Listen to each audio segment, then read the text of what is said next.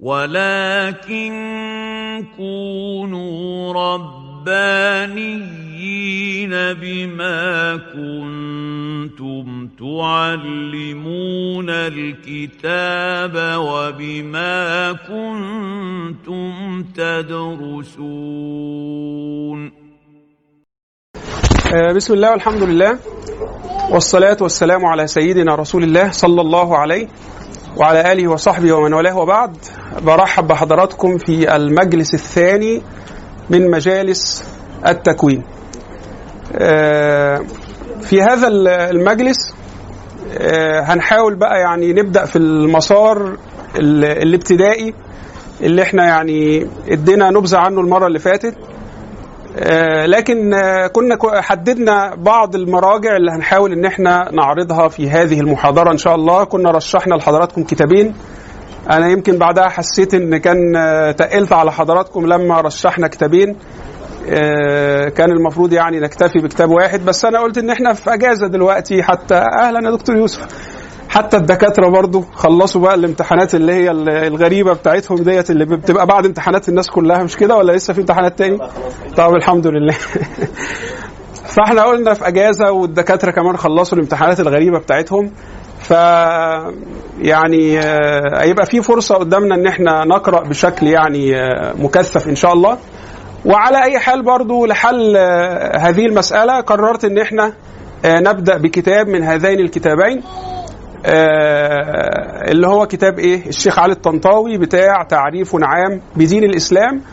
آه وبعد ما نخلصه إن شاء الله هنبدأ في الكتاب الثاني بتاع آه ماذا يعني انتمائي للإسلام بتاع الأستاذ فتحي ويعني من محاسن الصدف إن الإخوة بتوع بيان اتصلوا بيا ودعوني لمشاركة للمشاركة في نقاش هذا الكتاب بتاع ماذا يعني انتماء للإسلام. بيان دول اللي هم في عارفين إن مسجد مسجد الصديق اللي هو في مساكن شيراتون حد يعرفه؟ مسجد الصديق هو المكتبة بتاعته بيعملوا فيها زي نادي للقراءة بينعقد مرتين في الشهر. فهم يوم السبت اللي جاي الساعة 6 اختاروا كتاب ماذا يعني انتمائي للإسلام. ما كانوش يعرفوا إن إحنا قررناه هنا. فلما دعوني للمشاركة في نقاش هذا الكتاب قلت يعني إيه يبقى خلاص. آه ممكن. آه الدعوة عامة بيبقى فيه تقريبا رسم رمزي كده مش عارف 10 جنيه ولا إيه في المحاضرة. آه آه مفتوحة لأي حد يعني. آه. فإن شاء الله برضو ممكن إيه اللي يقدر يجي لنا هناك يوم السبت الساعة 6 هنناقش كتاب ماذا يعني انتماء للإسلام. وخلينا إحنا هنا نركز على كتاب تعريف عام بدين الإسلام للشيخ علي الطنطاوي. وأعتقد إن حتى منطقيا كتاب تعريف عام بدين الإسلام ينبغي أن يكون مقدما في الدراسة لسببين السبب الأول إن هو بيتكلم في المفهوم نفسه مفهوم الإسلام نفسه والتعريف به لكن كتاب ماذا يعني؟ انتمائي للإسلام بيتكلم عن طالما أنك انتميت لهذا الدين فكيف تكون مسلما حقيقيا ملتزما؟ فدي بتبقى مرحلة تانية على مرحلة تصور ما هو الإيه؟ ما هو الإسلام، حتى اللي عنده يعني خلفية عن علم المنطق التصورات عادة تكون سابقة منطقيا وعقليا على الإيه؟ على التصديقات، لأن التصور هو إيه؟ إدراك المفرد، وأما التصديق فهو الايه؟ اعتقاد النسبة بين الإيه؟ المفردات إدراك مفرد تصورا علم ودرك نسبة بتصديق وسم ها البيت الثاني وقدم الأول عند وقدم الأول عند الوضع لأنه مقدم بالطبع يبقى الطبع اللي هو المنطق أو العقل يقضي بأن إدراك المفرد لابد أن لأن أنت عشان تدرك النسبة بين المفردات وتعتقد بهذه النسبة لازم الأول تكون متصور للإيه؟ للإيه؟ للمفرد تمام؟ عشان أحكم على الإنسان بأي حكم لابد أن أتصور اولا ما هو الإيه؟ ما هو الإنسان عشان أعتقد بنسبة معينة بين الإنسان وبين شيء آخر لابد أن أكون مدركا ومتصورا ما هو الإنسان وما هو الشيء الآخر عشان أقدر أعمل نسبة بتربط ما بين الإنسان وهذا الشيء الآخر. نعم؟ يعني يقدم لسببين تعريف عام دين الاسلام على آه السبب الثاني إن إحنا هنناقشه يوم السبت في بيان إن شاء الله فقلت إيه عشان خاطر يعني آه، نفسح المجال دلوقتي بقى لتعريف عام لدين الإسلام وعشان السبب المنطقي اللي قلت عليه إن هو ده بيتكلم في مفهوم الإسلام نفسه هو إيه فمنطقيا وعقليا ينبغي أن أن نبدأ به. آه، أنا بعد ما سبت حضراتكم يوم الخميس كان شغلي الشاغل إن أنا أحاول إن إحنا نضع يعني مسار آه، محكم للمجالس بتاعتنا مجالس التكوين آه، يكون فيها يعني آه، تسلسل منهجي ومنطقي معين. فوقع في ذهني أننا ينبغي أن ننطلق من المشكلة نتعامل على أننا نواجه مشكلة. ونريد أن نتعامل مع هذه المشكلة وأن نسهم في حلها. فجعلت أفكر في هذه الايه في هذه المشكلة آه، وما تحديد هذه المشكلة آه، عشان خاطر وما الجذور والأسباب التي أدت إلى هذه المشكلة حتى نضع تصورا للحل وننطلق منه. وقبل أن أعرض هذا ال- التصور وأنا خليته بعنوان أمراض التصور رأي في تشخيص الأزمة وهنعرف قدام شوية ليه سميته أمراض التصور. أنا أنا بعمل دوت عشان خاطر يعني أنا شايف إن تشخيص الأزمة هو الأساس. يعني قبل ما نتكلم في أي حاجة لازم نحدد المشكلة الأول. بناء على تحديدنا للمشكلة هيجي بعد كده المسار اللي إحنا المفروض إيه نمشي فيه وهنقدم إيه قبل إيه وهنتكلم فيه قبل إيه وما إلى ذلك. وبعدين هربط ده في الآخر بكتاب تعريف عام بدين الإسلام بحيث نسكنه في الإيه؟ في المسار اللي هينطلق من هذا الإيه؟ التصور فننتقل إلى الشريحة التالية. خمسة نعم؟ خمسة وبعد كده لا الفينش اعمل اف 5 آه آه، تمام. أيوه تمام. الله يفتح عليك.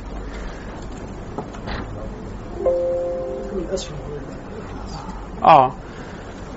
في رأيك ما هي أزمة الأمة وكيف تصفها؟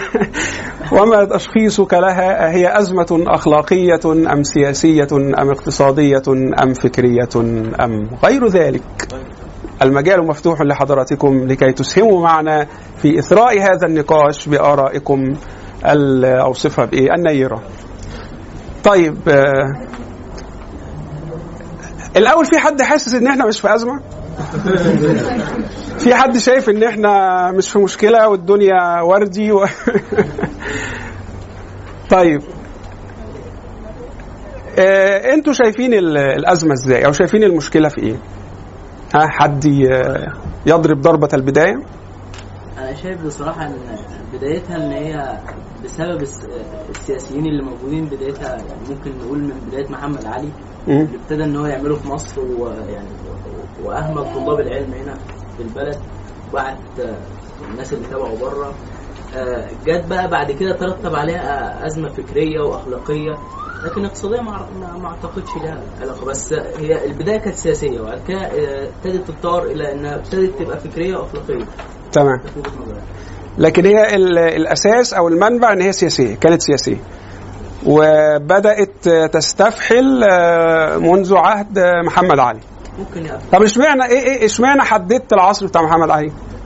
لأن هو هو يعني أهمل طلاب العلم هنا في الأزهر.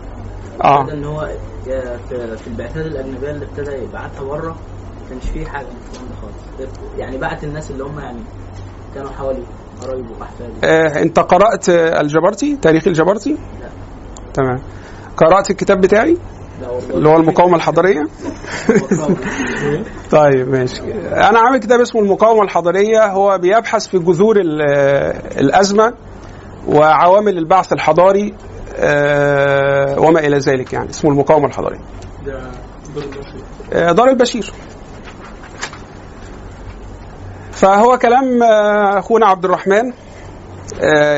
يكاد يتشابه إلى حد كبير مع كلام الجبرتي لأن الجبرتي كان واخد موقف حاد جدا من محمد علي على خلاف آه، الشائع عن محمد علي أنه آه، باني مصر الحديثة وصاحب النهضة وما إلى ذلك يعني. فهذا هو الشائع. آه، لكن الجبرتي كان له رأي مختلف وهذا الرأي آه، بعد كده تبناه بعض المشايخ الكبار زي الشيخ محمد عبده آه، وما إلى ذلك. نعم. آه والشيخ محمود شاكر طبعا وكان أكثر حدة من الجبرتي ومن محمد عبده آه، في نظرته لمحمد علي وما فعله آه، محمد علي. ده مش معناه أني أتبنى تبنيا كاملا لهذا ال- التوجه. يعني وإن كنت أرى أنه على الأقل توجه يستحق الدراسة على الأقل لأنه مخالف للي إحنا تربينا عليه أن محمد علي هو باني مصر الحديثة دون تسليط الضوء على السلبيات والمفاسد والمشكلات التي آه، ترتبت على تجربة آه، محمد علي. اذا عبد الرحمن تقريبا يرى أن الأزمة بدأت سياسية ثم آه، انعكست على بقية الإيه؟ المجالات. طيب حد ليه تصور آخر؟ اتفضل إيه، عرف بحضرتك الأول آه أهلا وسهلا تخصص حضرتك أو دراستك؟ طب بشري. أهلا وسهلا. اتفضل يا دكتور أحمد. وأنا كنت بسمع محاضرة للدكتور دكتور مثنى آه، كان في أكاديمية الادب القادم الدكتور طارق السلام بيعملها. فكان اتكلم عن الجزئية دي حاجة اقتنعت في كلامه يعني. وقال لي أصل الأزمة هي أزمة فكرية. لأن لما نيجي نترقى في سلم ال- الإصلاح بنحتاج اولا إلى إصلاح فكري. ينتج عنه إصلاح أخلاقي. والاصلاح تمام. الأخلاقي ينتج عنه إصلاح اقتصادي. ثم ذلك ينتج عن كل هذا نظام سياسي آه، صالح يعني. بناء على كده وأنا فعلا مقتنع بده إن هي فعلا حاليا دلوقتي الأزمة اللي إحنا محتاجين نشتغل عليها الأزمة الفكرية. يعني أنت ترى أن الأزمة بالأساس هي أزمة فكرية وأن المشكلات التي حصلت في المجالات الأخرى سياسية اقتصادية ما إلى ذلك نبعت أساسا عن ال- ال- المشكلة الفكرية والإشكالية الفكرية.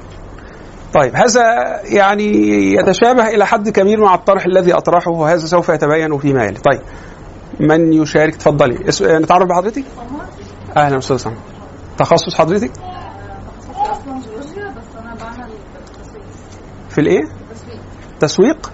طيب أهلا وسهلا أستاذة سمر اتفضلي حضرتك. طيب هو أنا ارى ان الازمه اقتصاديه يعني بدايه الامر هو أمر اقتصادي جدا آه، الامر الاقتصادي ده آه، ابتدى يلعب على على الفكري كمان السياسي كمان الاخلاقي هو الآخر باجي أثر على المجتمع الأول في الحاجات الأساسية بتاعته المأكل والمشرب المشرب والمسكن أول ما ما أثر عليه في الشكل الاقتصادي دوت والموارد بتاعته بيبتدي بيبتدي الأشخاص تدور على إزاي تغطي الاحتياج الاساسي بتاعها آه، ثم ثم الباقي بقى يستفهم يعني محدش هيروح يدور على على إن هو يعلي فكره وهو مش لاقي محدش هيروح. يدور على إن هو سياسيا يبقى أقوى دولة في العالم ولا أقوى أمة في العالم وهي مش لاقية تأكل نفسها. فأنا شايفة إن الأمر بيبتدي الأول من الاقتصاد آه، إن إحنا عندنا مشكلة كبيرة قوي اقتصاديا فبالتالي.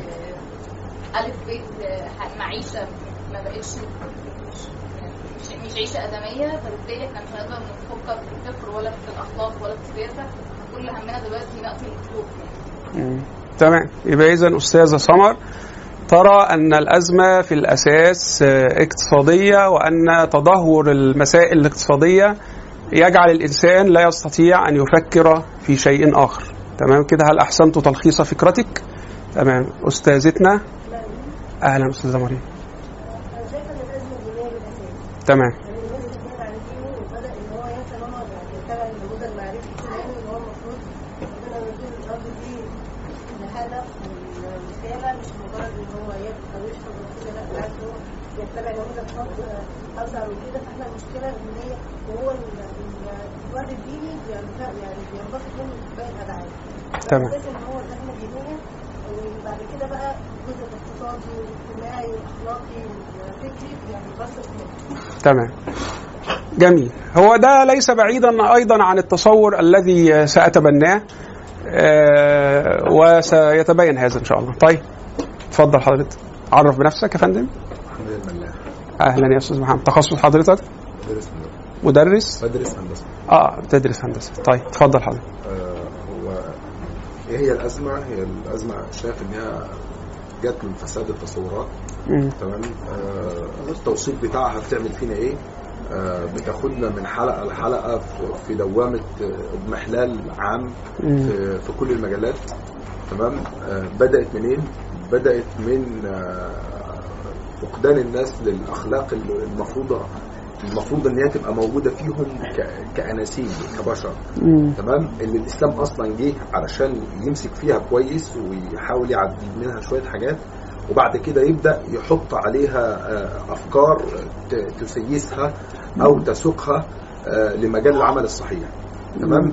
فهي جت من من فساد التصورات فقدان الناس للطبع البشري والفطرة السليمة بتاعتهم ك- كأنه يكون بني آدم يحس ويشعر ويشعر ويتفاعل مع مع الخير ويقف ضد الشر تمام؟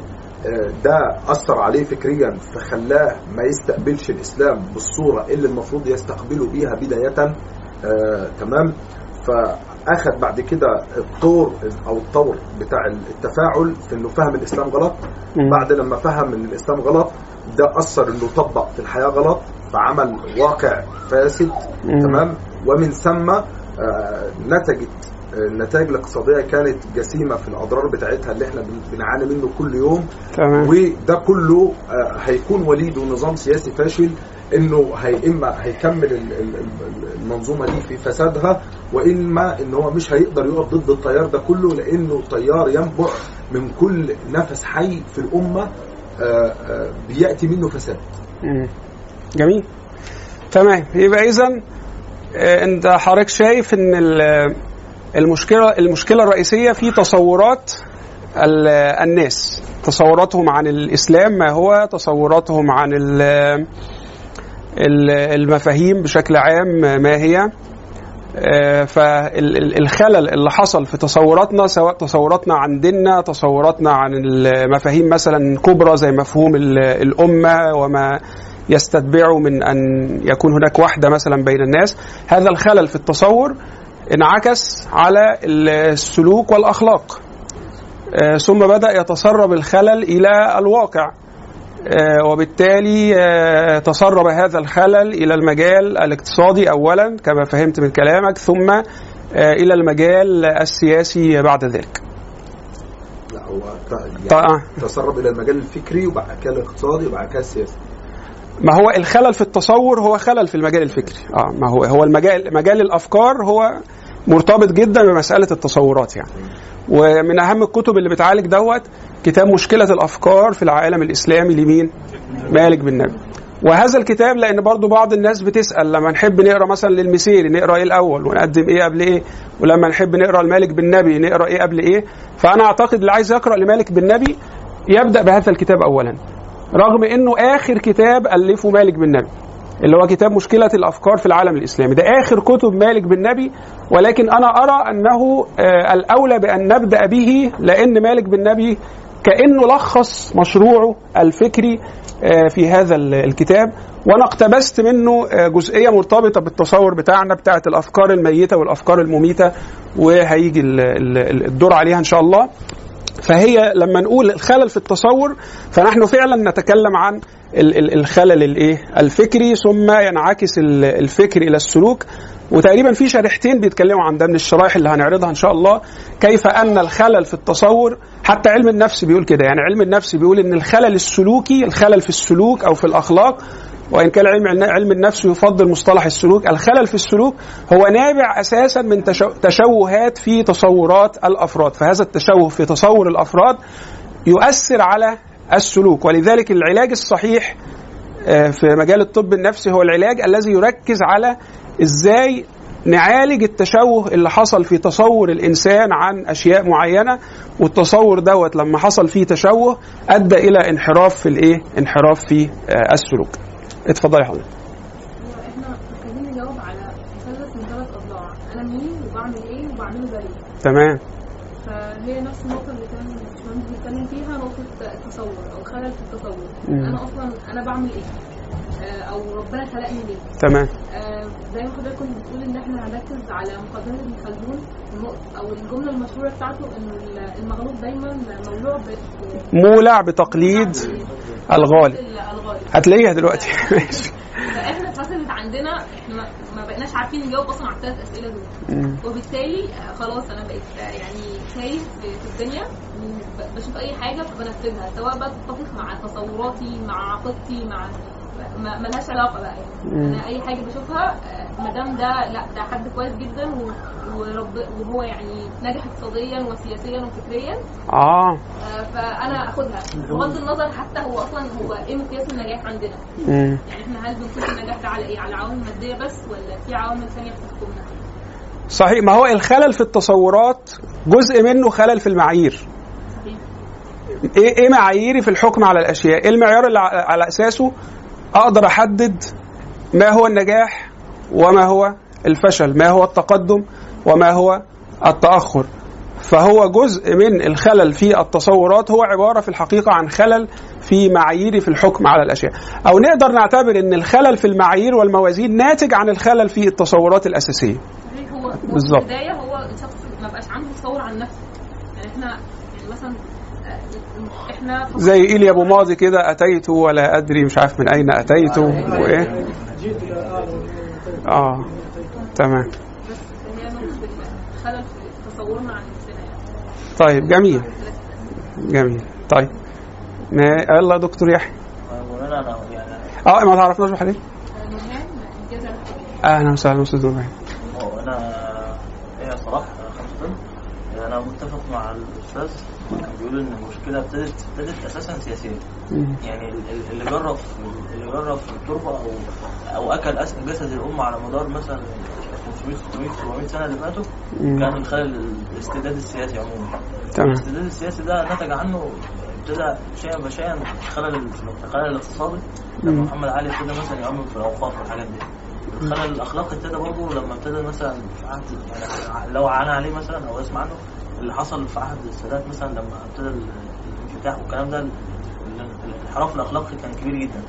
الانحراف برضه الفكري ابتدى يضيع لما ابتدى علماء الأمة نفسهم يعني بسبب نوع من أنواع الاستبداد السياسي انغلق الأفق بتاعهم ما بقوش بيفكروا في تطوير العلوم على قد ما هم بيقلوا إنتاج المنتج الفقهي وال- ومدونة الفقه اللي موجودة عندهم بقوا بيقلوا انتاجها وبيقلوا شرحها من غير إنتاج حاجة جديدة يعني. تمام. لكن السبب الاساسي حصلت فجوة معرفية لكن السبب السياسي. المهم آه. أنا لما ببص لو إحنا النهارده عايزين نبتدي نحل الحل مش سياسي الحل فكري لأن أكثر أزمة تفاقمت النهارده هي أزمة الفكر.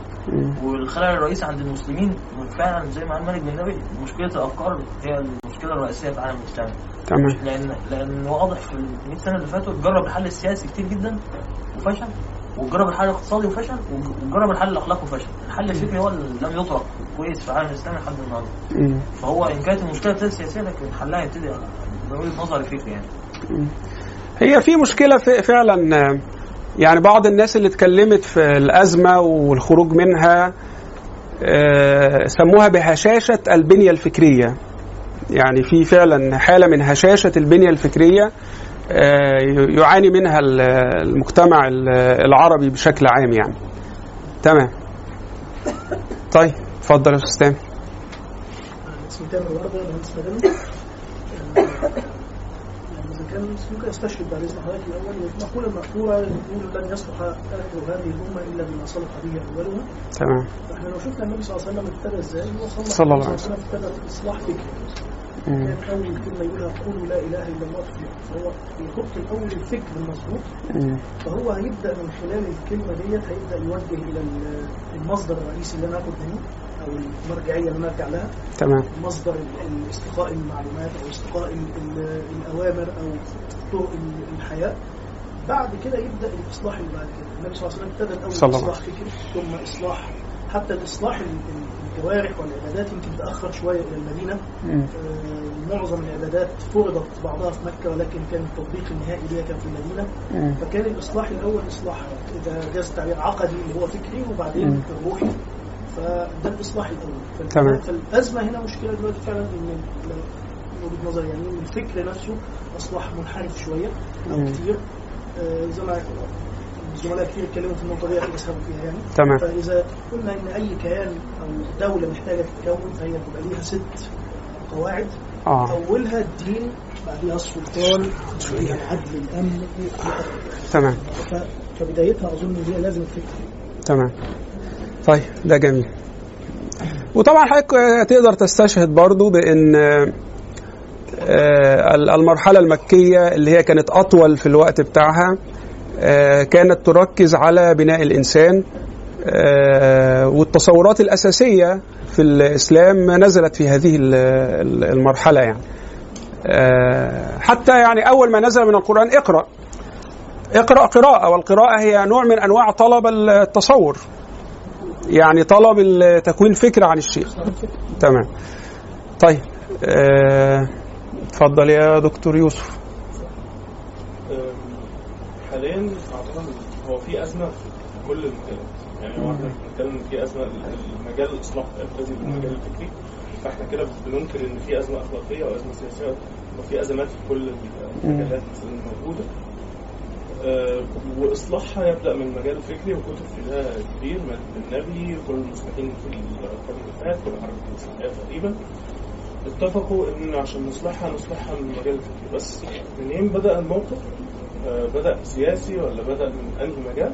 أعتقد هو واضح إن كان في حصل شيفت في وقت من الأوقات آه، في الحكم السياسي. ما من الخلاف الملك اللي حصل أعتقد إن الموضوع بدأ مع الطرف والبذخ اللي تعرض له آه، أو اللي حصل مع الفتوحات في بداية الدولة.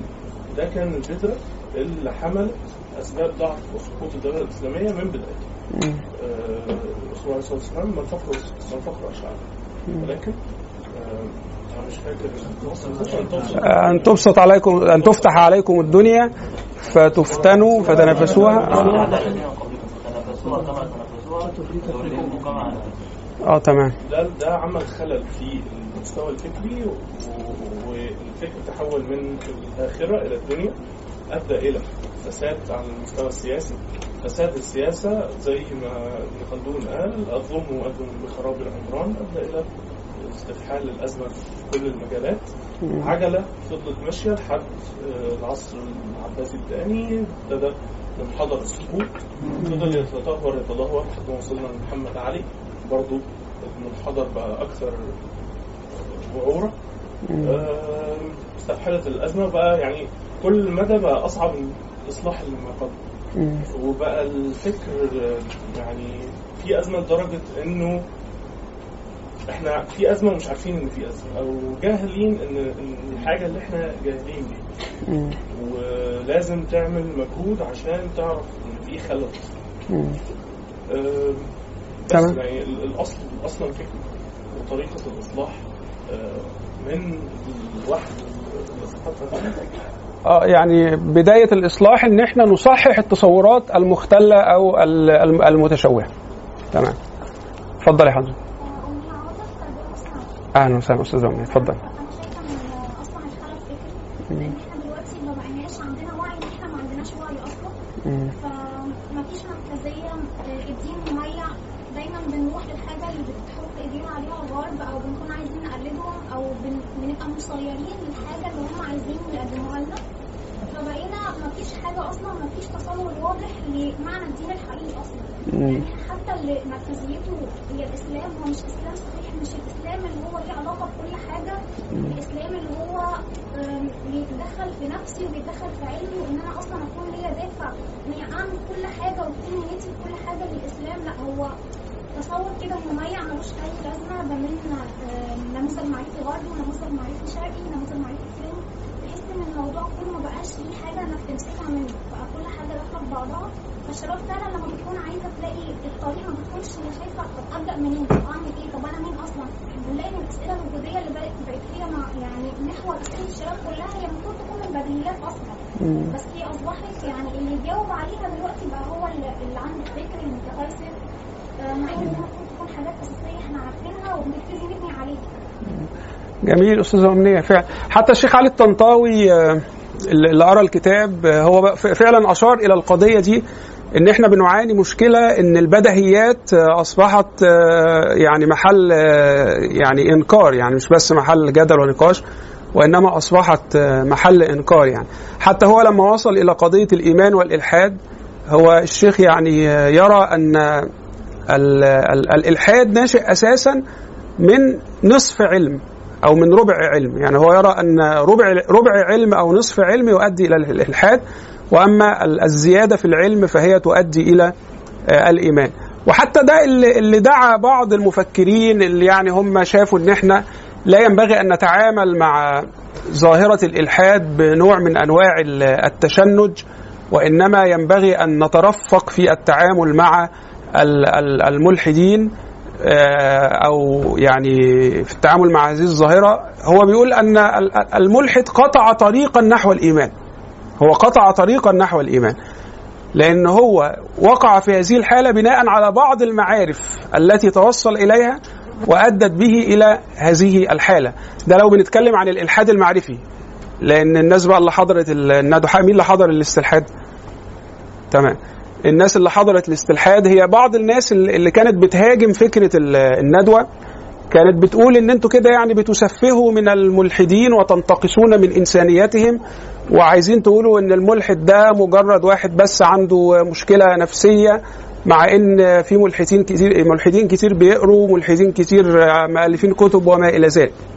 لا هي مش دي فكرة الندوة ولا حد من اللي اتكلم قال كده بس هي الفكرة إن إحنا عايزين نشوف ما هي الأسباب التي تؤدي إلى الإلحاد ونميز ما بين الإلحاد المبني على كمية من المعرفة ولكنها ليست كافية وبين الإلحاد الذي نشأ عن مشكلات أخرى. عشان خاطر لما ندخل في حوار أو ندخل في نقاش أو نحاول آه، التعاطي مع هذه الظاهرة آه، نبدأ نحدد الطريق الصحيح بناء على هو الإلحاد اللي قدامي ده نشأ عن إيه؟ هل هو إلحاد معرفي ولا هو إلحاد نفسي ولا هو استلحاد بقى اللي هو واحد إيه؟ يعني هو هو عايز كده واخد بالك من غير ما يكون عنده مبررات منطقية لاتجاهه في أو أو سيره في هذا في هذا الاتجاه يعني. فهي المقولة أن نصف العلم يؤدي إلى الإلحاد وأن الزيادة في العلم آه، تؤدي إلى ال- الإيمان كان في برضو جزئية أختنا نورهان قالتها وأنا كنت عايز أعلق عليها اللي هي بتاعة إن هو بيفتن ب- بشخصيات معينة. الظاهرة دي أشار وأنا حتى كنت عايز أقولها كمداخلة في الندوة بتاعة الاستلحاد ولكن لم يسعفني ال- الوقت يعني. إن ال- الإمام الغزالي في كتاب المنقذ من الضلال تكلم عن هذه المشكلة وسماها كده بالنص الإلحاد بالتقليد. وحتى أنا كنت كتبت عنها منشور اللي معايا على الصفحة اللي هو المنشور بتاع ال- الإلحاد بالتقليد في المنقذ من الضلال. حتى ده مصطلح الإمام الغزالي سماها الإلحاد بالتقليد. فهو قال إن في ناس من الذين يدرسون الفلسفة يفتنون ببعض الشخصيات الكبيرة في الفلسفة. فيقول لو كان الدين حقا لما كفر به مثلا فلان أو فلان من كبار الإيه؟ من كبار الفلاسفة. وبدأ الإمام الغزالي يرد عليهم بالعكس. ما هو في برضه شخصيات أخرى كبيرة سواء في الفلسفة أو في العلم التجريبي آمنت. فيمكن أن يقال برضه بنفس المنطق لو كان الدين باطلا لما آمنت به هذه العقول العظيمة من أمثال العقلية بتاعت فلان أو فلان أو فلان وما إلى ذلك.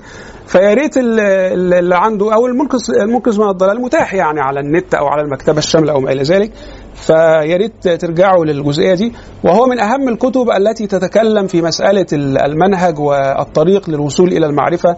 ولعلنا أيضا نجعل هذا الكتاب محلا لدراستنا آه، في مرحلة متقدمة إن شاء الله تبارك وتعالى.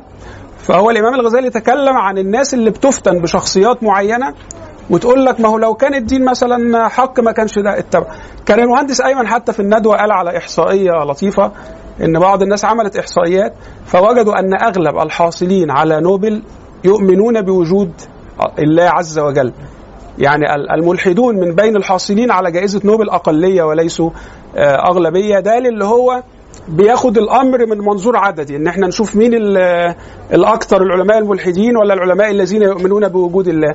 فلو هتدخل من المنظور العددي أو من المدخل العددي ستجد, أن أغلب الحاصلين على جائزة نوبل باعتبارها يعني أعلى جائزة علمية معروفة الآن يؤمنون بوجود إله في الكون. حتى داروين نفسه لأن بعض ال- ال- البعض الآن أصبح يتخذ من نظرية التطور يعني تكأة لدعم الإلحاد. في حين أن داروين لم يكن ملحدا هو كان ربوبيا يعني هو كان يؤمن بوجود إله لكنه لم يكن متدينا بدين معين. لكنه كان يؤمن بوجود إله خلق هذا الكون سواء سماه إله أو سماه قوة آه، تقف آه، وراء خلق هذا الكون فهو كان يؤمن بوجود إله. فدي برضو آه، آه، سؤال واعتراض يرد عليهم الذين يجعلون من نظرية التطور آه، سببا لدعم الإلحاد. طب ما هو صاحب نظرية التطور نفسه لم يكن يعني آه، ملحدا. طيب. حضرتك عندك إضافة؟ طيب. كتاب منقذ من كتاب تهافت الفلاسفة ولا ده تانية؟ مش مسألة أهم بس هو مدخل. يعني أنا حتى بعتبر إن كتاب المنقذ من الضلال الإمام الغزالي وضع فيه النظرية اللي بنى عليها كتب بما فيها إحياء علوم الدين. ولهذا أنا أنصح من أراد أن يقرأ إحياء علوم الدين فعليه أن يقرأ أولا كتاب المنقذ من الضلال. لأن المنقذ من الضلال مدخل إلى فكر الغزالي بشكل عام وتجربة الغز- الغزالي في البحث عن الحقيقة وما إلى ذلك. آه، لا اقرأ المنقذ من الضلال اولا. ثم بعد ذلك اقرأ ما شئت من كتب حجة الإسلام الغزالي. آه يعني ممكن تقرا في قعده يعني أو في ليلة أو في ليلتين بالكثير يعني إن شاء الله. هو حتى الشيخ علي الطنطاوي لما نقرأ شوية في كتابه هو يرى أن الإمام الغزالي هو أعظم مفكر إسلامي. وطبعا أثنى على كتاب إحياء علوم الدين بس قال يعني من يقرأ الإحياء ينبغي أن يلتفت إلى مسألة وهي أن يعني ال ال ال ال ال يعني القراءة في الإحياء والتعمق فيه في بعض الأحيان تجعل الإنسان لديه رغبة في العزلة. يريد أن يعتزل المجتمع والناس وقرف المجتمع. وقرف الناس. فطبعا الشيخ الطنطاوي من المدرسة الدعوية اللي هي ترى أن المسلم أو المتدين أو الداعية آه، يعني ينبغي أن يكون يعني بين الناس وألا يعتزلهم لأن اعتزال ال- ال- المؤمن أو المتدين أو الداعية للناس آه، اولا يعني يتعارض مع مبدأ الدعوة نفسه وثانيا يعني يؤدي إلى آه، زيادة الفساد. وطبعا هم وجهتين من من عصر السلف يعني في مذهب عند السلف يفضل العزلة على الاختلاط. ولكن المذهب الذي عليه جماهير العلماء والفقهاء أن الاختلاط أولى لأن هذا هو كان حال النبي صلى الله عليه وسلم. فالنبي صلى الله عليه وسلم كان يختلط بالناس ويصبر على أذاهم وحتى أظن فيها حديث اللي هو من خالط الناس وصبر إيه؟ آه على أذاهم آه خير من واحد الصحابه قال له اعتزل عند عيين من الماء قال مقامك في الأسواق بين الناس وحكم ده كان حديث تاني برضه نفس آه بالظبط له احد الصحابه قال له يعني في مكان عيينة ماء في الصحراء اعتزل فيها واجلس وابعد عن الناس. قال مقامك في وسط الناس واحتمال أذاهم خير لك من مجلسك هذا صحيح. هم حتى حملوا الأحاديث اللي هي بتتكلم عن آه، أن خير ي- يأتي عليكم زمان آه، خير حال العبد فيه أن آه، يذهب إلى شعف الجبال وما إلى ذلك. فهم حملوا هذا على حالة لو لو أنت يعني استفحل الفساد ووصلت إلى يقين في أن خلطتك لن تؤدي إلى الإصلاح وسوف تؤدي إلى أن آه، تفسد أنت. يبقى على الأقل تنجو بنفسك وتذهب إلى ال- ال- العزلة أو إلى الإقامة في الأماكن النائية أو الجبال أو ما إلى ذلك. فهم قالوا إن هذا محمول على الحالة اللي أنت لا تقدر فيها على الإصلاح ولو ظللت في هذا ال- ال- الوضع الفاسد أو في هذه البيئة الفاسدة فسوف يؤدي هذا إلى إفسادك أنت شخصيا وبالتالي يكون الأولى في هذه الحالة هو العزلة أو الاعتزال. وعليكم السلام ورحمة الله وبركاته. طيب عموما أنا هعرض التصور بتاعي للأزمة ومن كان لديه أطروحة أخرى في الترتيب أو منبع الأزمة هو إيه فيعني آه، أرجو أن يناقشني آه، بعد ذلك يعني. أنا بعمل إيه؟ آه شايفين؟ آه، فطبعا هو المنهج العلمي بينطلق أساسا من تحديد المشكلة وبناء على تحديد المشكلة وتسبيبها وبيان جذورها التي أدت إليها آه، نبدأ نضع التصور للخروج من الأزمة أو الخروج آه، من النفق ال- المظلم ولهذا أحببت أن أقدم هذا التصور في بداية المسار الذي نحن فيه. وطبعا في قدام شوية هنعود إلى مسألة تشخيص الأزمة بشكل موسع وهنبدا ننظر في أهم الدراسات والكتب التي تعرضت لتشخيص الأزمة آه، زي كتاب لماذا تأخر المسلمون بتاع مين؟ أه؟ لا شكيب أرسلان احسنت يا أستاذة نورهان سر تأخر العرب والمسلمين الشيخ محمد الغزالي ما شاء الله. حاضر العالم الإسلامي. أنا نسيت بقى المؤلف. هو تقريبا حد من الباحثين الغربيين بس أنا مش فاكر اسمه الحقيقة دلوقتي. آه، ماذا خسر العالم؟ طبعا أبو الحسن الندوي. المقاومة الحضارية مش لازم بقى تعرفوا مين المؤلف يعني. طيب. آه هحطها إن شاء الله على الجروب بتاعنا إن شاء الله. مفيش أي مشكلة. حاضر. لا لا ما ما تشغلوش نفسكم بالكتابة. إلا اللي عايز يكتب فائدة إضافية أو حاجة هو استنبطها ليه يعني مفيش أي مشكلة. أنا أرى أن الأزمة في الأساس هي أزمة تصور إن إحنا عندنا تصورات مشوهة. أصبح هناك حتى تصور آه، لحقيقة الدين نفسه. أوعى حد يفتكر إن أنا بكفر الناس أو حاجة. لا طبعا مش هو ده المقصود. ولكن آه، آه، آه، حقيقة الإسلام والمسلم الحقيقي المفروض يبقى حاله إيه؟ والمفروض يبقى بيعمل آه، لا ده في مشكلة. ولهذا أنا من المدرسة من المدرسة التي مش هقول تفرق لكنها تميز ما بين مصطلح مسلم وما بين مصطلح إسلامي. أنا في الحقيقة من هذه المدرسة لأن توصيفي ورؤيتي للأزمة تفرض علي أن أميز هذا التمييز. وطبعا أت- ولذلك أنا بقول إيه؟ أفرق أميز لا أفرق. أنا لا أفرق بين المسلم والإسلامي ولكن أميز بين هذا المصطلح معناه إيه؟ وهذا المصطلح معناه إيه؟ لأن إحنا بنجد مسلم آه، هو يؤمن بالله ربا وبالإسلام دينا وبمحمد صلى الله عليه وسلم نبيا ورسولا. ولكنه لا يحيا الحياة التي ينبغي أن يحياها المسلم الذي أدرك حقيقة هذا الدين وأدرك الواجبات التي ينبغي أن يتعامل بها طالما أنه فهم هذا الدين آه، فهما صحيحا. وأننا نجد مسلما آه، ليس لديه آه، لا هو لديه مشروع ولا هو مشارك في مشروع لإخراج الأمة آه، من أزمتها. فالثاني ده هو اللي بنسميه إسلامي والأول هو الذي نسميه مسلم. فالأول هو يعني رجل يريد أن يعبد الله عز وجل ولكنه لم يهتم بأن يتحلى بالوعي آه، بما يعاني منه المسلمون والأزمة الحضارية للأمة و آه، كيف آه، يكون الإنسان ممتلك ل... ل... ل... أو مش هنقول ممتلك طبعا لأن مش كل واحد يقدر إن هو يمتلك مشروع أو يمتلك تصور للحل لكن على الأقل تكون مشاركا ومتعاونا مع من يعمل على إخراج الأمة من أزمتها. فالتاني بنسميه إسلامي والأول بنسميه إيه؟ مسلم. دون أن تعني كلمة إسلامي ضرورة الانتماء إلى آه، حركة بعينها. لكن ال- القضية أنك ينبغي أن تكون مشاركا في عملية إخراج الأمة من أزمتها ومتعاونا مع كل من يعمل على إخراج الأمة من أزمتها أيا كانت قناعاتك التي تتصل بمسألة الانتماء. تمام. ممكن نضيف يعني نضيف كمان مصطلح تاني هو الإسلام لأن برضه في من وجهة نظري فرق ما بين تصور اسلامي وتصور الإسلام.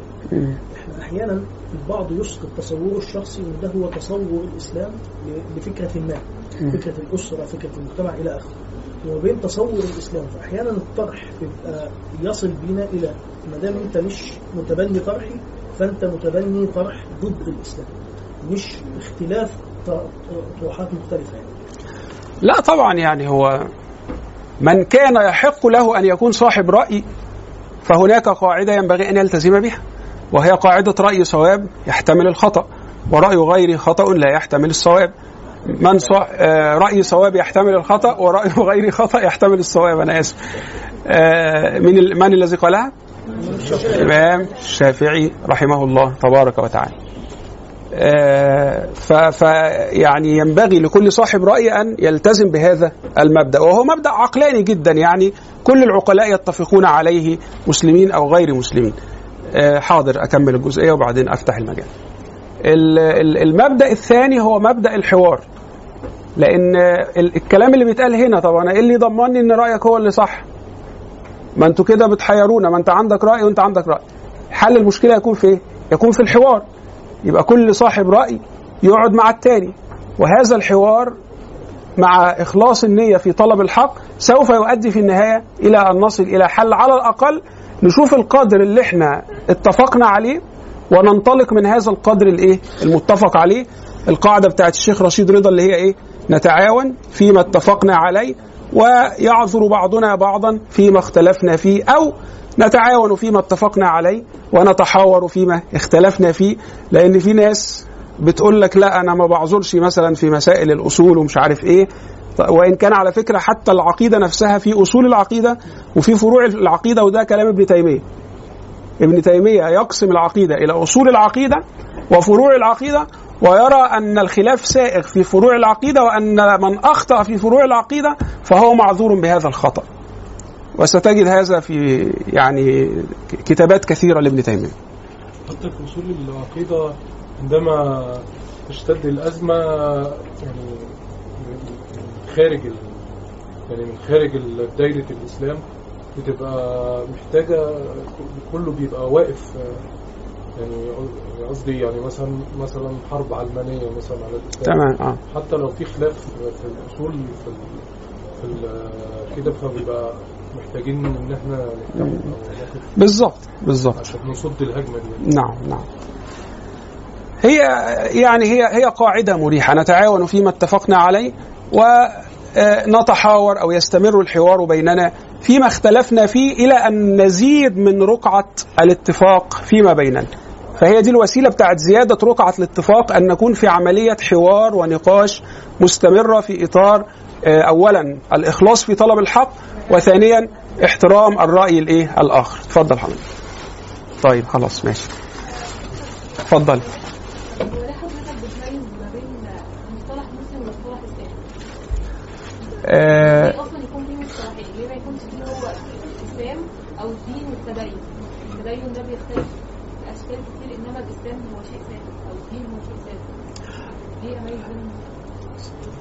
هو التمييز لأن أظن أنا يعني أشرت إلى التعليل بتاع هذا التمييز لما قلنا أن هناك آه، يعني مسلم في حالة آه، كسل أو في حالة آه، لا مبالاة. فده مش هنكفره يعني هو الراجل مسلم وقد يكون أفضل عند الله عز وجل. يعني برضو نحن لسنا من أصحاب الاستعلاء أن الإسلامي لابد أن يستعلي على على المسلم العادي لا قد يكون المسلم العادي البسيط أفضل عند الله عز وجل. ولكن نحن نميز لأننا نجد مسلما لديه آه، كسل لديه حالة لا مبالاة لديه حالة من عدم الاهتمام بالشأن العام لديه حالة من عدم ال ال ال ال الاكتراث أو عدم المبالاة بأزمة الأمة. لا يحاول أن يفكر كيف تخرج الأمة من هذه الأزمة آه، ما هو الدور الذي يجب علي أن أقوم به؟ بل إنه حتى ربما لا يكتفي بالسلبية ده ممكن يكون عائق كمان. يعني يشوف اللي بيتحرك أو يشوف اللي بيحاول يعني يسعى في في إخراج الأمة من هذه الكبوة ويكون عامل مثبط ليه أو يحاول إن هو يضع في طريقه ال- ال- ال- العقبات. وأعتقد إن إحنا بنشوف ده كتير يعني. فده اللي خلانا نميز ما بين مسلم وما بين إسلامي دون أن نعني أن الإسلامي يستعلي على على غيره. أو أن صاحب المشروع يستعلي على من لا يمتلك مشروعا. لا هو لا يستعلي. لكن نحن آه، نميز عشان خاطر إحنا وجدنا ظاهرة إن هناك مسلم ومؤمن وكل حاجة ولكنه في حالة سلبية واستكانة وغيبوبه عن ال- الأزمة التي تحيا فيها الأمة ولكن هناك مسلم آخر آه، لديه قدر كبير من الإيجابية والحركة والنشاط والفعالية آه، ولديه اهتمام بالوعي بأزمة الأمة وكيف نخرج الأمة من ازمتها. معلش هو هل كل المسلمين لازم يكونوا اسلاميين؟ آم، في في عوام يعني في عوام. هل بالضروره لازم يكونوا اسلاميين؟ يكون صاحب مشروع أو في مشروع أو فكره أو ايا ما هو إحنا عندنا مبدأ من لم يهتم بأمر المسلمين فليس منهم. فأنا أرى أن كل مسلم في واحد إمكانياته إمكانياته إن هو الراجل بيشوف شغله وبيربي عياله تربية كويسة ويحب الله ورسوله. ويلتزم بال- بالعبادات ال- الأساسية. إمكانياته ما تجيبش أكتر من كده خلاص لا يكلف الله نفسا إلا وسعها. لكن المشكلة إن إحنا بنجد واحد آه، هو يقدر يبقى عنده وعي بس ما عندوش وعي. ف- فأعتقد ده في مشكلة. هو يقدر إن هو يكون مشارك في إخراج الأمة من أزمتها لكن هو ما بيعملش كده. والأسوأ من كده إنه ممكن يكون بيعمل العكس. يعني إن هو بي- بيقف عقبه في طريق الذين يعملون على إخراج الأمة من أزمتها. آه، ولو حتى بإنه آه، آه، يساهم في إشاعة تصورات سلبية أو ما إلى ذلك. بنجد هذا يعني. فده اللي بنخلينا نهتم إن إحنا نميز. أو يضع نفسه ولو بحسن نية في صف من من يعمل على التمكين لأعداء الأمة من مقدرات الأمة. يضع نفسه جنديا في هذه المشروعات التي تعمل على التمكين لأعداء الأمة من الأمة ومقدراتها وإمكانياتها. قد يكون هو مش عارف إن هو جندي في هذا المشروع المعادي. ودي في حد ذاتها مشكلة. يعني نحن لن آه، يعني لن نكفره مثلا. لكن على الأقل ده محتاج إن هو يفوق. يعني هو عنده مشكلة على الأقل خالص محتاج إن هو يفوق منها. بحيث على الأقل خالص ما يبقاش جندي في مشروع معادي للأمة. تمام؟ فأنا في في اعتقادي أن الأزمة هي في الأساس أزمة فكرية بمعنى إن تصوراتنا أصبحت آه، مشكلة. يعني كلمة هو إحنا اللي هنغير الكون بنسمعها كتير ولا لأ؟ طب ما آه فعلا آه ما هو إحنا حتى قلنا هنتكلم شوية عن مهمة المسلم في الحياة. هي آه مهمة المسلم في الحياة هي تغيير الحياة إلى الأفضل بهداية الله عز وجل. وسيدنا ربعي بن عامر عارفين الأثر المشهور بتاعه جئنا لنخرج الإيه؟ العباد من عبادة العباد إلى عبادة رب العباد ومن ضيق الإيه؟ ومن جور الأديان إلى عدل الإسلام ومن ضيق الدنيا إلى سعه الدنيا والإيه؟ والآخرة. فهي مهمة المسلم في الحياة هي فعلا مهمة تغيير وهي فعلا مهمة آه يعني آه آه تغيير أفكار آه إصلاح آه تغيير الكون بمعنى تغيير الحياة إلى الأفضل. فأنا لما ألاقي واحد مسلم شايف واحد تاني بيحاول إن هو يبقى عنده وعي بيحاول إن هم إن هو يبقى مهتم بقضية ال ال ال ال ال الوطن أو الأمة أو الدين ويكون مشارك فيها بإيجابية. فلاقي واحد تاني بيثبطه وبيحبطه وبيقول له يا عم هو أنت اللي هتغير الكون. يبقى معنى كده إن مفهومنا بقى أو تصورنا لماذا يعني انتمائي للإسلام أصبح تصورا مختلا وأصبح تصورا فيه قدر كبير من التشوه يحتاج على الأقل إلى التنبيه عليه وإلى آه، محاولة علاج هذا التشوه في التصور أو في المفهوم اللي إحنا سميناه في البداية أمراض الإيه؟ أمراض ال- التصور. ف هذه التصورات ت- ت- تبلغها هذه التصورات أن تصل هذه التصورات إلى النخبة. أخطر مرحلة من مراحل أمراض التصور أو تشوهات التصور أو تشوهات المفهوم أن تصل هذه التصورات إلى النخبة. لأن الناس عادة الجماهير الغفيرة تكون تابعة لهذه الإيه؟ لهذه النخبة. فإذا كانت تصورات النخبة مختلة فبالتبعية سوف تنتقل العدوى إلى الإيه؟ العدوى إلى الجماهير ولذلك وهنا بقى هنستدعي النموذج بتاع التغريب مرحلة التغريب أنه تم استخدام والتركيز على تصورات النخبة من أجل تشويه هذه التصورات وبالتبعية هتنتقل العدوى بعد ذلك إلى الإيه؟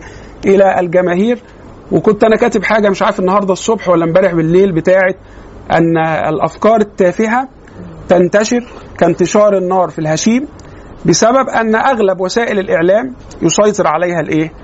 الأشرار، فشيء طبيعي أن تنتشر التصورات التافهة والأفكار التافهة وتصيب الأمة بعملية أمراض أو تشوهات؟ التصور. وسقيت أنا شوية مصطلحات كده ما لهاش أي لازمة التلوث الفكري وتسمم الأفكار وما أعرفش إيه. طيب. إذا أصيبت تصورات ال- الأمة بحالة التشوه تبدأ بقى الناس اللي اتكلمت عن الأزمة الأخلاقية أو أزمة السلوك أو الأزمة الاقتصادية أو الأزمة السياسية ما هو ال- ال- الجرثومة اللي معششة في التصور أو في الأفكار مش هتفضل حاصرة نفسها في إطار الفكرة أو التصور لأن الأفكار عادة لا تبقى في الذهن ده أصلا فوق طاقة الإنسان. يعني كون ان الإنسان يحبس الفكرة جوه منه ده ممكن يجيله اكتئاب. كنت كاتب أنا حاجة زمان اسمها ضرر انحباس الفكرة.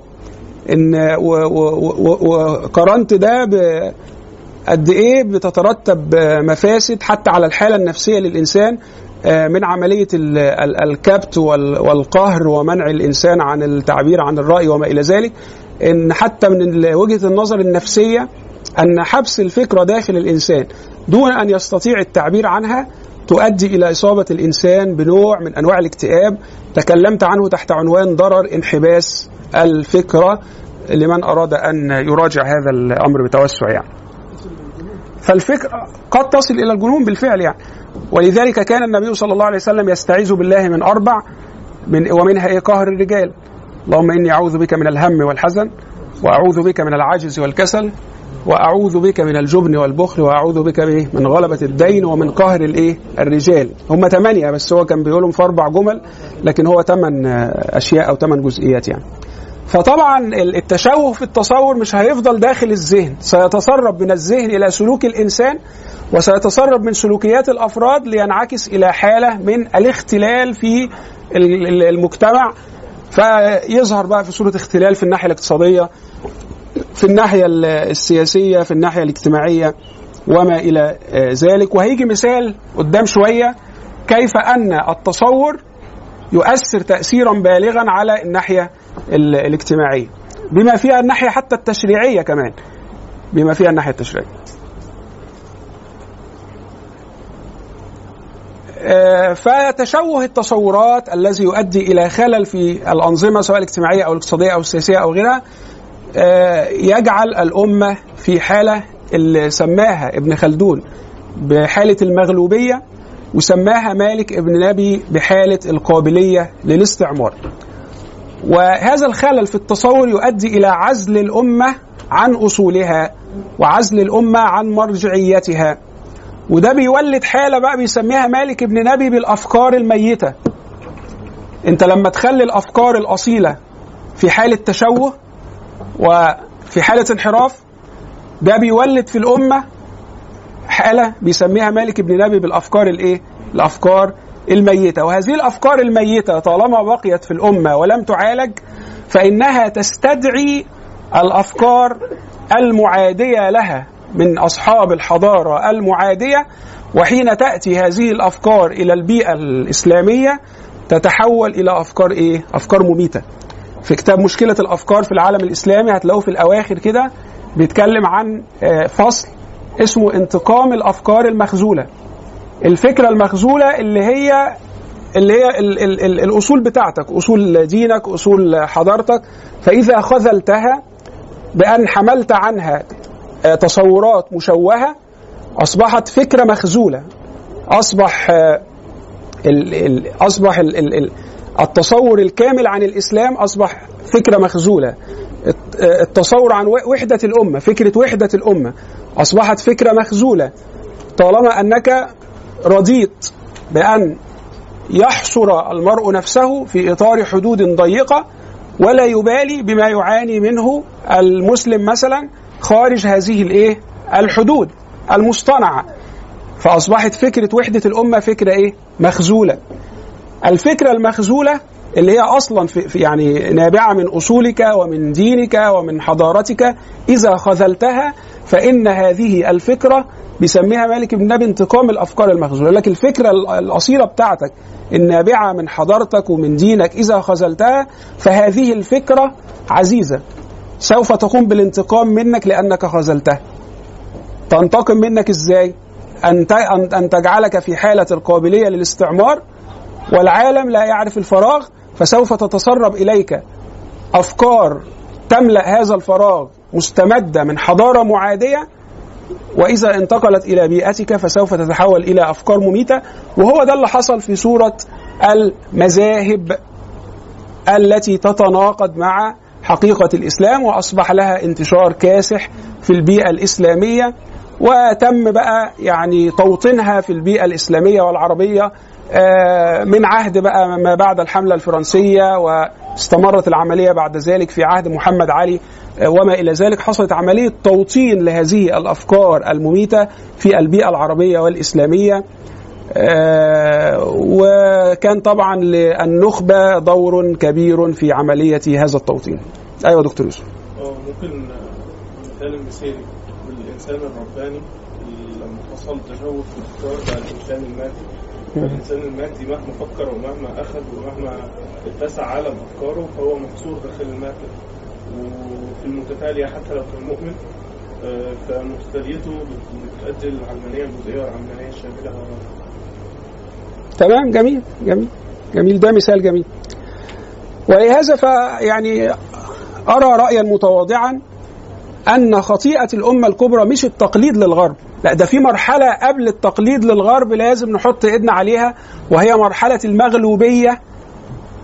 ماشي؟ والقابلية للاستعمار بتعبير ومصطلح مالك بن نبي اللي نتجت عن التصورات المشوهة فوضعت الأمة في حالة القابلية للاستعمار والقابلية للاستعمار هي التي تستدعي الإيه؟ تستدعي الاستعمار آه بعد ذلك.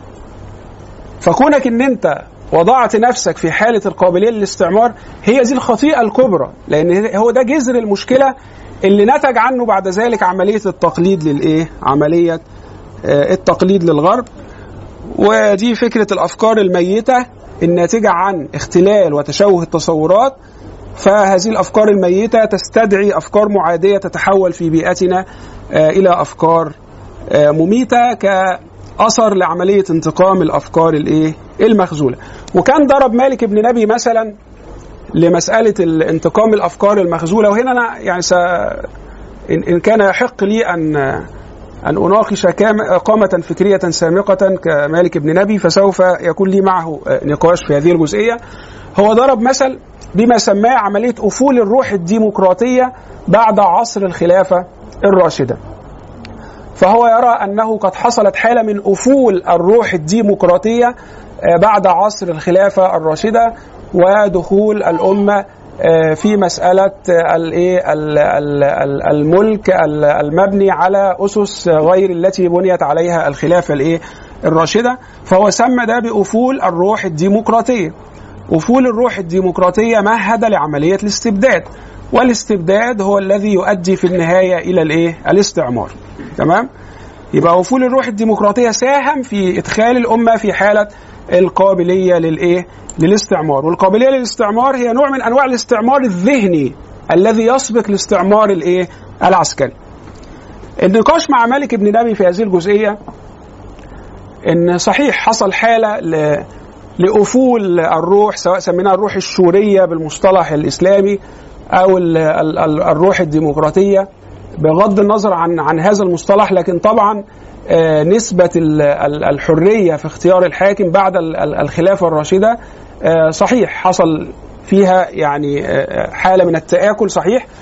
وإن كان برضه هناك مبالغات يعني كان هناك مبالغات آه، هو البعض يحاول أن يصور كل الحكام الذين جاءوا بعد ذلك أنهم كانوا مستبدين أو أنهم كانوا ظالمين وهذا غير صحيح لأن الأمة يعني ولو من بين وقت وآخر كان يخرج في الأمة حكام عدول زي مثلا عمر بن عبد العزيز أو هارون الرشيد آه، رغم ما يشاع عنه أو نور الدين محمود.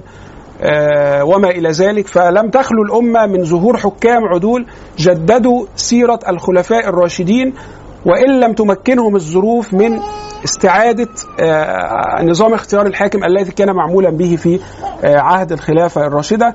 وهنرجع بتوسع لدوت لما نتكلم عن الفكر السياسي الإسلامي. ولما هنتكلم عن الفكر السياسي الإسلامي سنستضيف إن شاء الله آه، بعض يعني مشايخنا وأساتذتنا الذين هم أكثر تعمقا منا في هذا المجال. وقد تلقيت وعدا من أستاذنا الدكتور آه، مدحت ماهر أنه سيكون معنا في مسألة الفكر السياسي الإسلامي. وهو كمان عايز يتكلم برضو عن آه، إشكالية الحرية بين الرؤية الإسلامية والرؤية ال- آه، العلمانية. بس إحنا هنورطه وهنخليه معانا في كذا حاجة كده إن شاء الله. وكذلك لما هنتكلم برضو عن ناحية المنهجية وال المنهج البحث ومصادر المعرفة. أنا برضو تلقيت يعني وعدا من أستاذنا الدكتور شريف عبد الرحمن.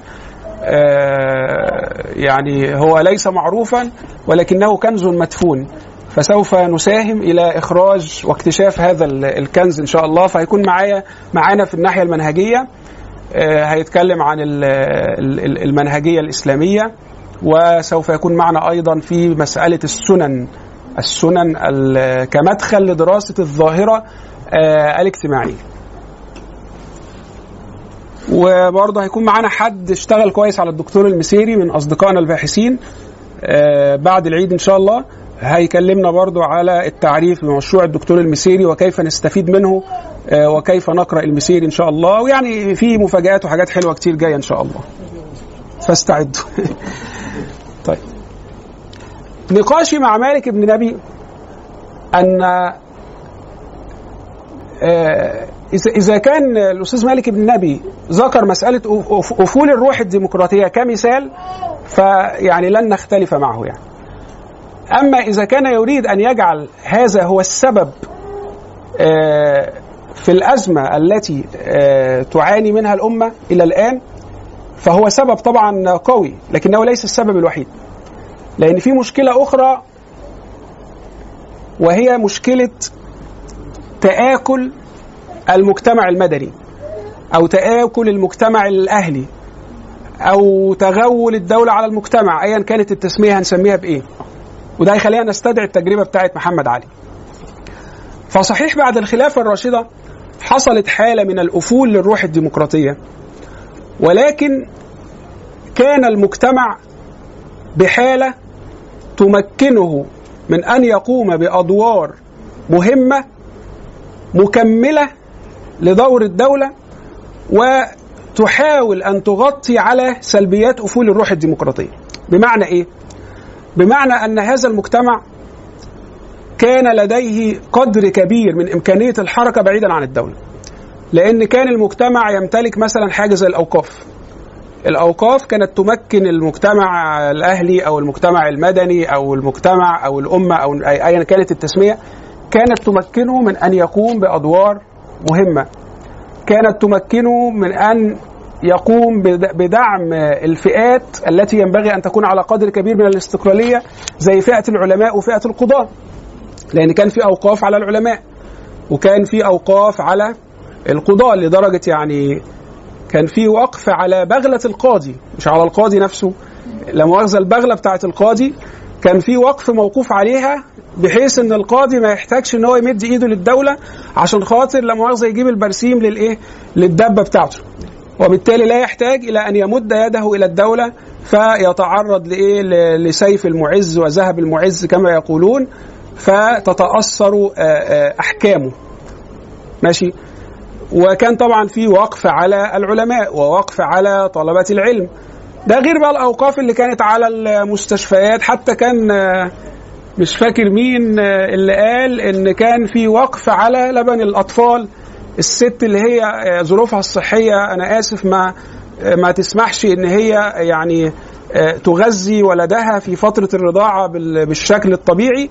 فهذه المرأة كانت تستطيع أن تذهب إلى وقف لبن الأطفال لتحصل على آه، آه، ما تستطيع أن آه، تشتري به لبنا لغذاء إيه؟ ولدها. فالأوقاف كانت من الإمكانيات والمقدرات التي تمكن المجتمع من أن يتحرك بقدر كبير بعيدا عن سيطرة الدولة ويقوم بإيه؟ بأدوار مهمة من هذا النوع ويمكن بعض الشخصيات زي العلماء أو القضاة من أن تتمتع بقدر كبير من الإيه؟ الاستقلالية. لكن اللي حصل بعد كده وخاصة من عهد محمد علي أنه تم ضرب فكرة المجتمع الأهلي أو المجتمع ال- المدني. حتى عملية الاستيلاء على الأوقاف هي بدأت في عهد محمد علي. وفي كتاب المقاومة الحضارية هتلاقوا إشارات إلى إلى هذا. من دراسات تعرضت لمسألة ال- الأوقاف متى آه، بدأت عملية الاستيلاء عليها وما إلى ذلك. فهي بدأت في عهد محمد علي ولكن الضربة الكبرى كانت آه، في عهد إيه؟ عبد الناصر. تمام؟ آه، طيب. آه، نقاشي مع مالك بن نبي ألا نحصر ال- المشكلة؟ طيب يا فندم. ماشي يا جماعة إن شاء الله يعني آه، المدرسة والمهندسة سلمى يعني جزاهم الله خيرا يدعونا إلى أن هناك إفطار يعني إن شاء الله سيكون هناك إفطار بعد أن ننتهي من الدرس. فيبقى فيبقى غذاء معرفي وغذاء باطني وكل حاجة يعني. فاستعدوا إن شاء الله. آه. لا إن شاء الله في حاجات حلوة جاية في السكة كتير يعني. بحب المجلس بقى يعني يعني أنتوا هتحبوا المجلس عشان ال- الأكل بس يعني. آه. خلاص. وأنا أجيب هغير بقى من المدرسة والمهندسة سلمى وأبقى أجيب لكم بونبوني معايا عشان خاطر تحبوا المجلس من أجل ال- الغذاء ال- الذي أتي به. اتفضل تجار يعني دايما مشكله نظام مشكله اكل آه ده ده ده يؤيد مذهب كل واحد بقى بيدور على اللي بيأيد مذهبه. فيؤيد مذهب ال- الأستاذة سمر في أن مدخل الحل هو المدخل الاقتصادي. آه. لا والله أنا يعني أتفق معك إلى حد كبير في أن هذا مدخل أساسي في في الحل. يعني أنا ليا تصور معين كده بحاول إن أنا أشتغل عليه آه، بسميه مبدأ الاقتصاد الدائري. الاقتصاد الدائري اللي هو يمكن الأمة من الخروج خارج المنظومة الربوية أو مش يمكنها من الخروج لأن ده صعب في الوقت الحالي ولكن يمكنها من التحرر شيئا فشيئا من سيطرة المنظومة الربوية على الاقتصاد العالمي يعني. فما أوصل لنظرية بقى متكاملة في مسألة الاقتصاد الدائري إن شاء الله أبقى أعرضها على حضرتك عشان خاطر آه، نحل أزمة الأمة من المدخل الاقتصادي فنقاشي مع مالك بن نبي في هذه الجزئية ألا نحصر آه، المشكلة في أفول الروح الديمقراطية وإنما ينبغي أن نلتفت إلى أنه صحيح في فترات كبيرة من الاقتصاد الإسلامي كان هناك نوع من الاستبداد ولكنه مختلف في نوعه و و و وقدره أنتوا عايزيننا نكمل الأول ولا مش عايزين نكمل؟ طبعا أنتوا فاهمين يعني لكن على أي حال إن آه يعني في فترات كبيرة من الاقتصاد من من فترات التاريخ الإسلامي كان هناك استبداد ولكن آه لم يكن آه المجتمع قد آه تآكلت قدرته على ال- ال- الحركة كما حدث إيه؟ كما حدث بعد ذلك منذ عهد إيه؟ محمد علي. فطبعا محمد علي ده كان راجل شرير ولازم إحنا ناخد موقف منه عشان خاطر هو عمل لنا مشاكل كبيرة يعني. صحيح هو بنى القناطر وأنا بحب أروح القناطر ف وأنا في القناطر هقول محمد علي راجل طيب وعمل حاجات حلوة أول ما أطلع من القناطر هغير رأيي في محمد علي. مش مصري ولا عربي ولا آه. ف اللهم صل وسلم وبارك على سيدنا محمد. فمنذ عهد محمد علي تم توجيه ضربة قاصمة إلى المجتمع الأهلي وتآكلت قدرة المجتمع على التحرك بشيء من الاستقلالية. يعني إحنا لما نشوف يعني حتى في فترة المماليك رغم مظالم المماليك اقرأ بقى تاريخ الجبرتي. شوف كمية الثورات الأهلية اللي حصلت ضد المماليك والتي كان يقودها العلماء من أمثال الشيخ الدردير والشيخ علي الصعيدي والشيخ طبعا عمر مكرم. الكلام ده كان حتى في في في عز قوة عنفوان المماليك ولكن كان المجتمع يستطيع أن يتحرك بقدر كبير آه، من ال- ال- العنفوان آه، ضد هذه المظالم. وشوف الثورات اللي قادها الدردير وغيره ضد المماليك. واتكلمت عنها برضو في كتاب ال- ال- المقاومة الحضارية لكن مشكلة محمد علي ويمكن أول واحد بدأ ينتبه ليها وينبه ليها هو الجبرتي آه، لأن الجبرتي كان على في حالة سخط كبيرة من محمد علي وعمال يحذر الناس يا إخوانا لا تغتروا بالإصلاحات المدنية اللي هو عملها لأن الراجل دوت بي بي بيزرع في بيئة ال ال الأمة يعني مشاكل آه، مفاسدها أكبر بكتير من الإصلاحات المدنية زي بناء القناطر أو بناء المدارس أو إنه بيبعت الناس تتعلم بره أو كده. آه، وشوفوا اتكلم عنه إزاي في مثلا حملة فريزر وكيف أنه تخلى عن الناس وترك بسطاء الناس يواجهون فريزر بالحلل والأدوات البسيطة آه، وكان هو وجنوده بعيدا عن الناس وهم يواجهون وحدهم هذا المصير المؤسف. فضلا عن ال- المظالم التي أحدثها في الأمة وما إلى ذلك. وبرضه من أوائل الناس اللي أو مش أوائل يعني من أبرز الناس اللي نبهوا للمشكلات اللي عملها محمد علي الشيخ محمد عبده. والعجيب إنه قال الكلام ده في حضرة أبناء وأحفاد محمد علي.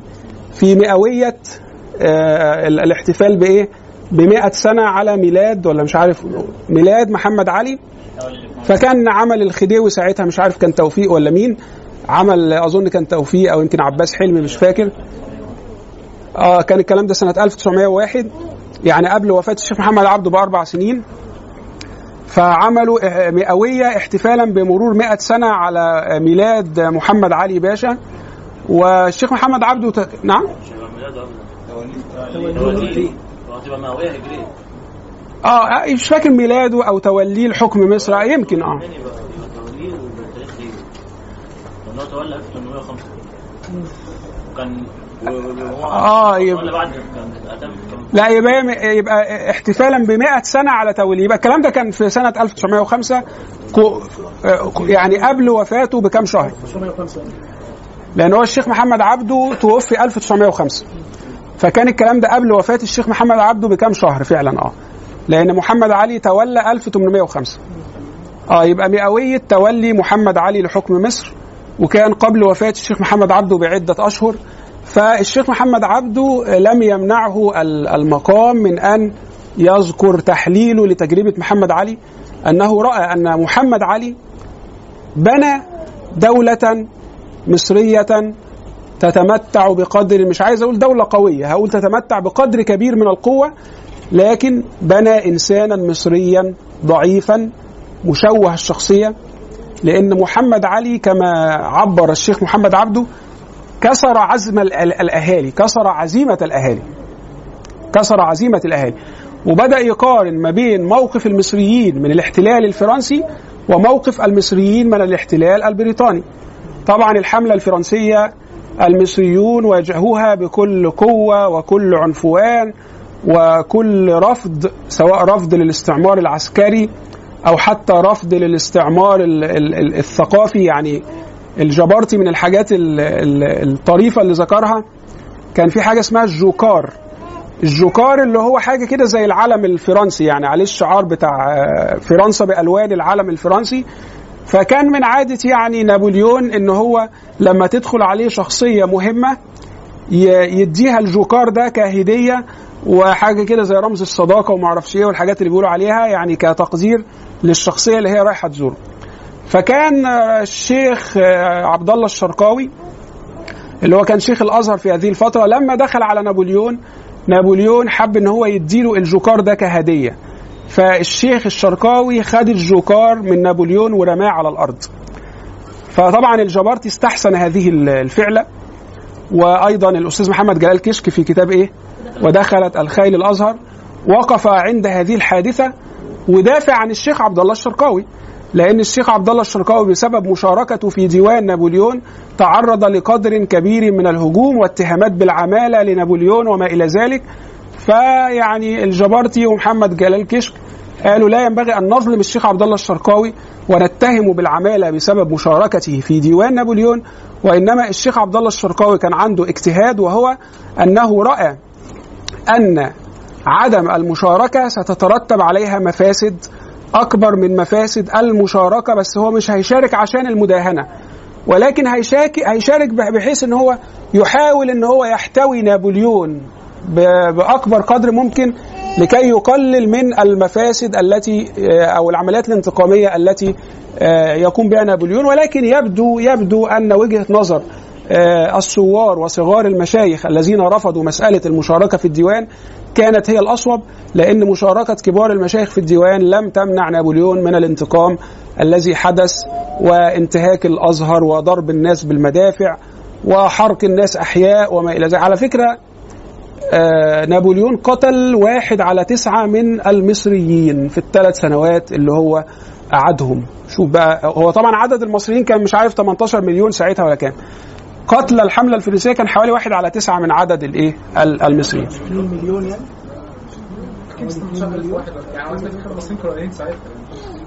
والله الإحصائية دي الإحصائية دي أنا خدتها خدتها من من الدكتور عمار من الدكتور عمار. فنراجع الدكتور عمارة نشوف عدد ال...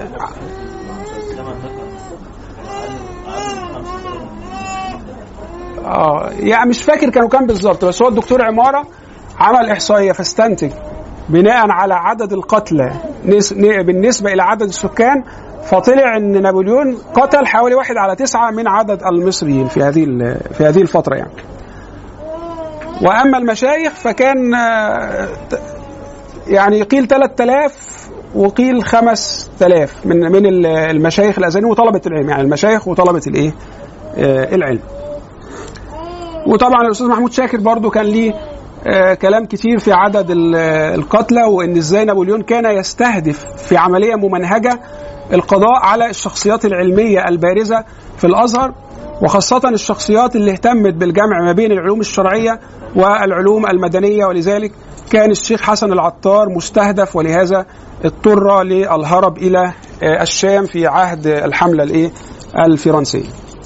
على أي حال ده النقاش مع مالك بن نبي في هذه الجزئية أننا ينبغي أن نضم إلى أفول الروح الديمقراطية مسألة تآكل ال- آه، المجتمع وعدم قدرته على الحركة بعيدا عن الدولة وهو الذي حدث منذ عهد إيه؟ آه، محمد علي بعد أن كسر عزيمة الأهالي ولم يعد لدى الإنسان المصري ال- القدرة على الممانعة والمقاومة والثورة التي ظهرت مثلا في موقف المصريين من الحملة الفرنسية.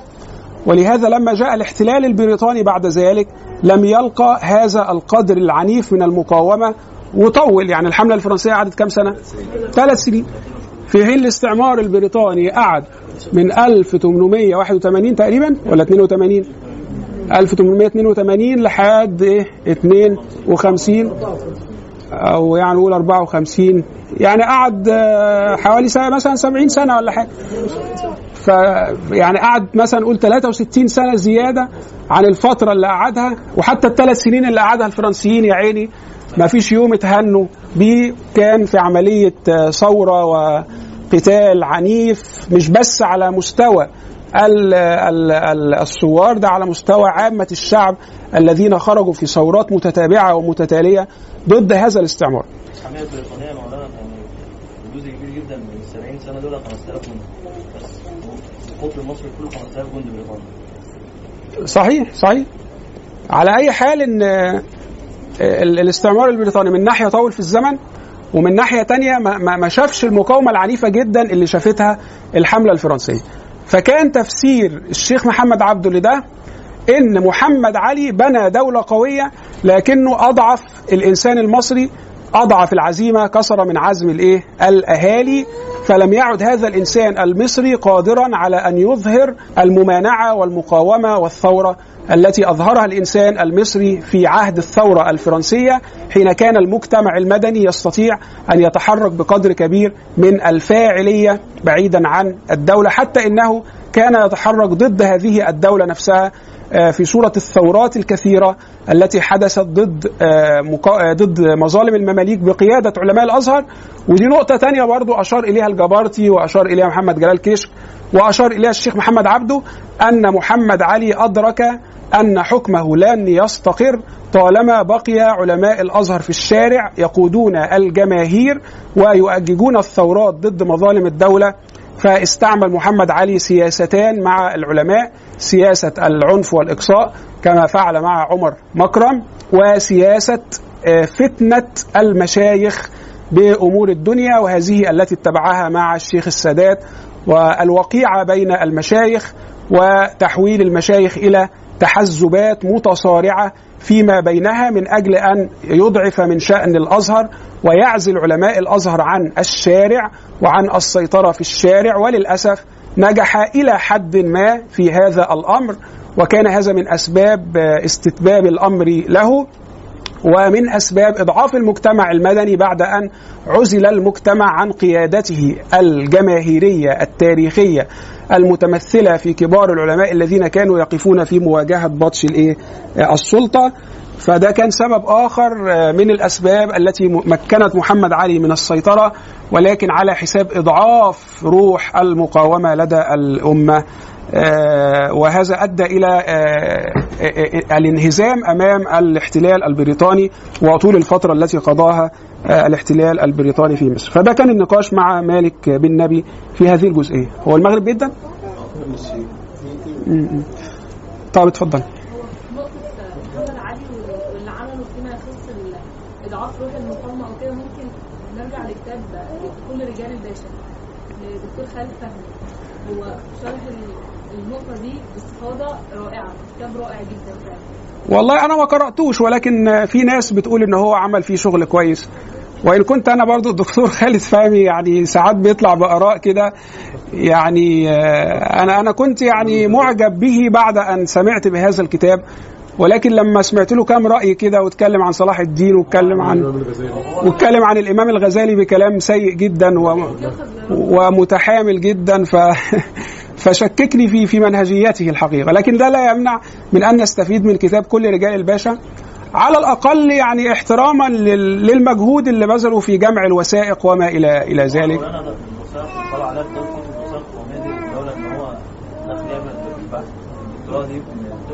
تحت مسمى الجماعة الأمريكية ما كانش ما كانش ما كانش طلع عليها. يعني في وثائق من منصور محمد علي ما حدش طلع عليها غير خالد فهمي آه. هو أورد است- است- استشهد بيها كثيرا في الكتاب يعني.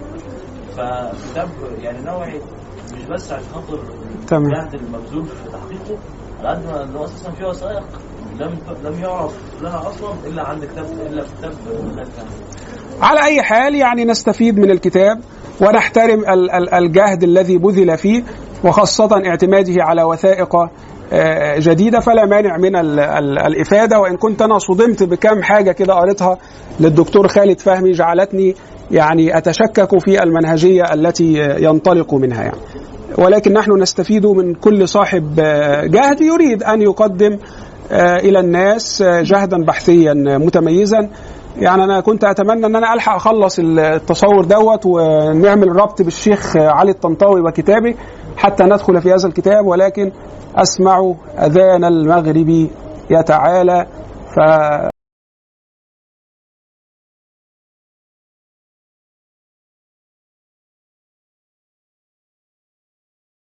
ولكن كونوا ربانيين بما كنتم تعلمون الكتاب وبما كنتم تدرسون. آه، بسم الله والحمد لله والصلاة والسلام على سيدنا رسول الله صلى الله عليه وعلى آله وصحبه ومن والاه. وبعد برحب بحضراتكم في المجلس الثاني من مجالس التكوين. آه، في هذا المجلس آه، هنحاول بقى يعني نبدأ في المسار ال- الابتدائي اللي إحنا يعني ادينا نبذة عنه المرة اللي فاتت. لكن آه، كنا حددنا بعض المراجع اللي هنحاول إن إحنا نعرضها في هذه المحاضرة إن شاء الله. كنا رشحنا لحضراتكم كتابين. أنا يمكن بعدها حسيت إن كان آه، تقلت على حضراتكم لما رشحنا كتابين. آه، كان المفروض يعني نكتفي بكتاب واحد. بس أنا قلت إن إحنا في أجازة دلوقتي حتى. أهلا